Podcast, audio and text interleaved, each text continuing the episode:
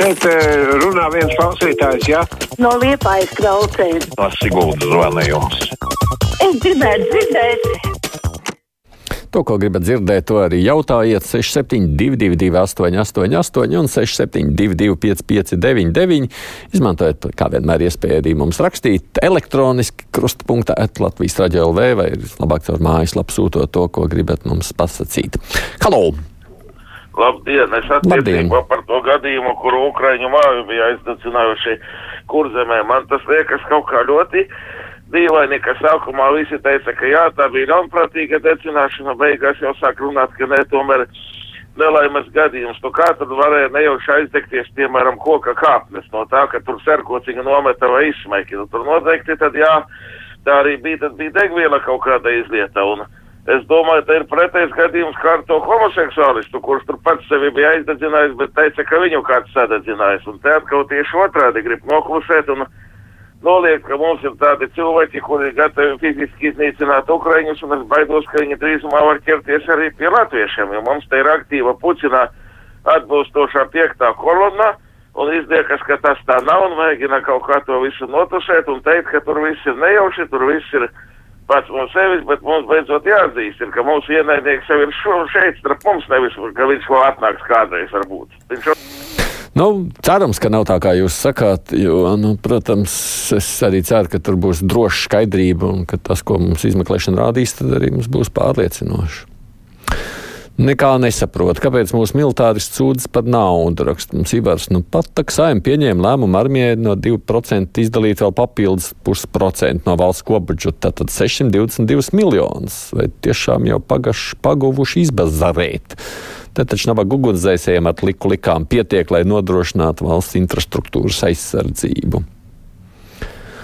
Nē, nu mēs par ugunsdzēsējiem, protams, ir īpaši rīt vairāk runāsim, tur tā lieta ir aktuāla. Halo! Labdien! Labdien! Te pirms kādām pāris nedēļām bija viena sieviete jautā, nu, uzdeva jautājumu, kāpēc ne, nedzen šis okupants ārā, kas nav uh, lojāli Latvijai. Nu, tad Tomsons atcirta, tad mums nebūs kas pensijas maksā. Tā, bet jūs jau pats beidzāt runāt.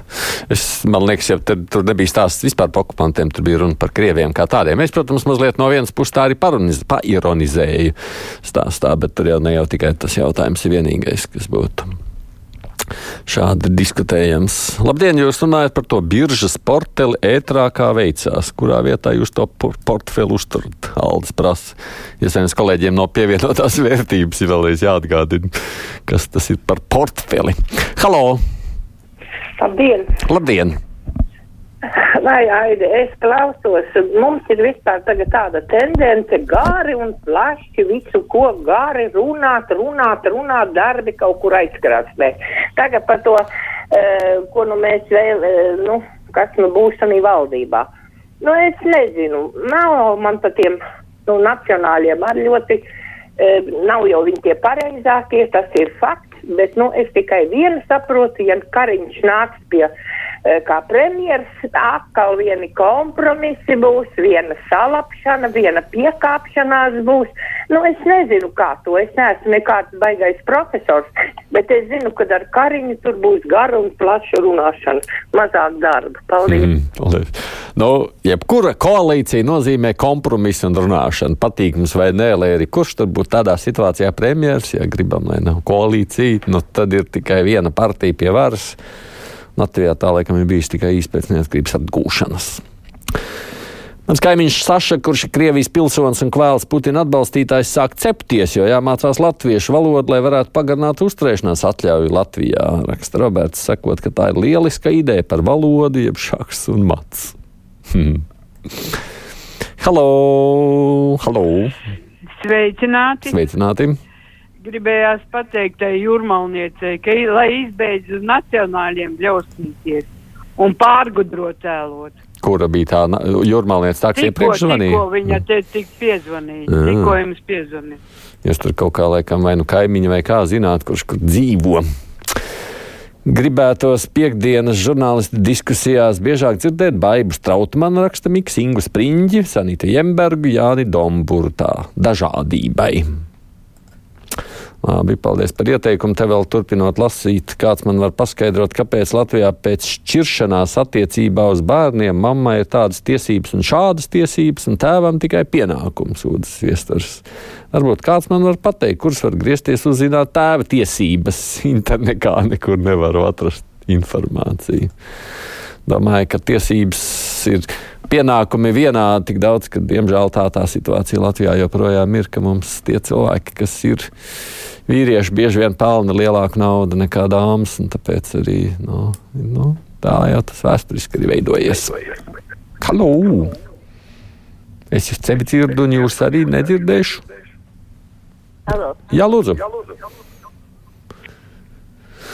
Ah, tad, kad jūs piezvanāt un sadzirdat arī halo, neklausieties radioaparātā, lūdzu, atkārtojiet to pašu. Oh, atkal es sev dzirdu. Halo! Halo! Jā, lūdzu. Krustpunkts! Jā, krustpunkts. Jums liels paldies! Dieva veselību, Dieva naudas smaku, visu to labāko! Un tagad uzdošu jautājumu maziņu. Es par visiem apmierināti par Lembergu, bet vai nevarētu apkuras sezonā to naudiņu vietā iedot vecīšiem kādu no valsts mažiem, kas paliek mežā valās, malkas pagalīti, būtu labāk. Mm. Nu, es jau saprotu, ka, ja runājam par malku, to arī varētu vākt, bet vecīšiem, protams, kādam to ir jāsavāc. Tā tas varētu būt. Nu, man izklausās, ka tur vajadzētu vienkārši tīri cilvēcisku sociālu palīdzību šādā stāstā. Nu, tā man gribas teikt. Jā. Laikam tās naudas jau daudz nepietiek, lai naudu tur lielu malkas daudzumu nopirktu. Bet jūs dzirdējāt vajadzību. Varu nomierināt Daugopils Aivaru rakstelīna, Krieva un Krievija drīz karā būs aplauzusies un zaudēs, un arī Latvijā esošā tā saucamā piektā kolonna klusi savā stiežmiegs kājstarpī.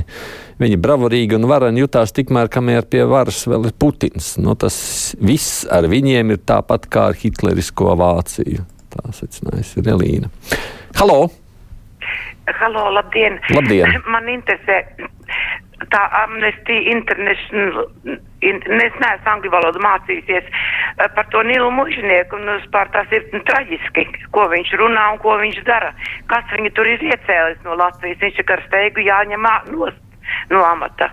Paldies!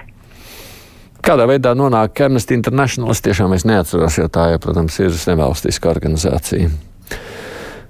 Aigars raksta šausmīgi skatīties, bija to Ķīnas komunistu sajiet notikumus, kur Vinnijas Pūks no sapulces izmeta dzintao, tātad bijušo līderu un bijušo premjeru. Kečans izskatījās pēc viena māla karēļa varbūt kādas pusdienās varat apskatīt, kādās pusdienās varat apskatīt, kā Ķīna pusdienās tas ir. À, nu jā, programmā pusdiena arī. Kā Ķīna pēc 150 gadiem atgūst savas teritorijas, ko Ķīnas austrumu daļa līdz 2004. bija okupējusi Krievijas impērija un tam līdzīgi. Tad mums iesaka Eigars no Ķīnas kongress, jā, ir. Nu, jā, es domāju, šajā nedēļas nogalē pievērst patiešām uzmanību. Halo! Nu, labdien! Labdien! Es gribēju runāt par to Grīšinu no progresīviem. Vai jūs viņu interviju labi iz, iz, izpratāt, ko viņš teica? Grīšinu, tas ir Briškeni, jūs domājat? Grīškeni, nu, varbūt tās ir drusciņi ne tā. Jā, jā, un kur... Viņš skaitījās diplomātu korpusā. Man vienkārši žēl, ka tādi ir diplomātu korpusā bijuši. Un to, ko viņš teica, būtu diezgan jāiegaumē. Jo? Mēs tagad visus tikai ņemsim iekšā, visiem dosim vēlēšanas tiesības un viss. Nu, piedodiet, man brāļu kapos guļ man radinieki. Man ir kauns klausīties bija. Tā kā viņš bija pie manis šeit, radio neko tādu viņš neteica. Bet, nu, protams, visas intervijas jau es nevaru nu, uzskaitīt.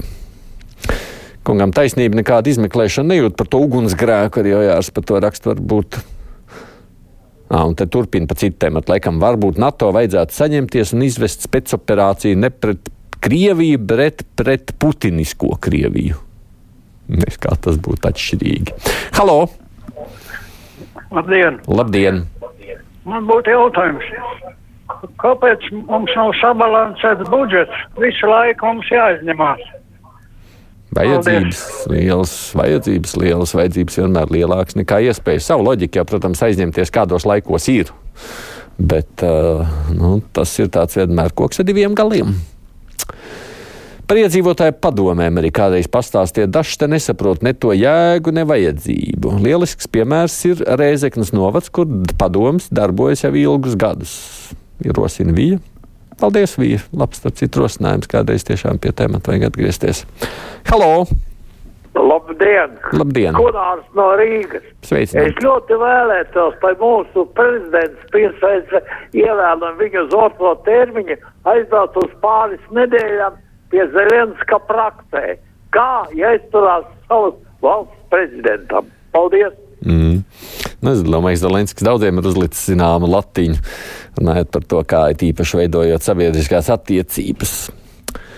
Man te tādas pārdomas, ka Krievi uzspridzinās to hidroelektrostacijas dampi, tad taču Zaporožas atomelektrostacija arī paliks bez dzēsēšanas, un tā visa rezultātā sanāks tā netīrā bumba.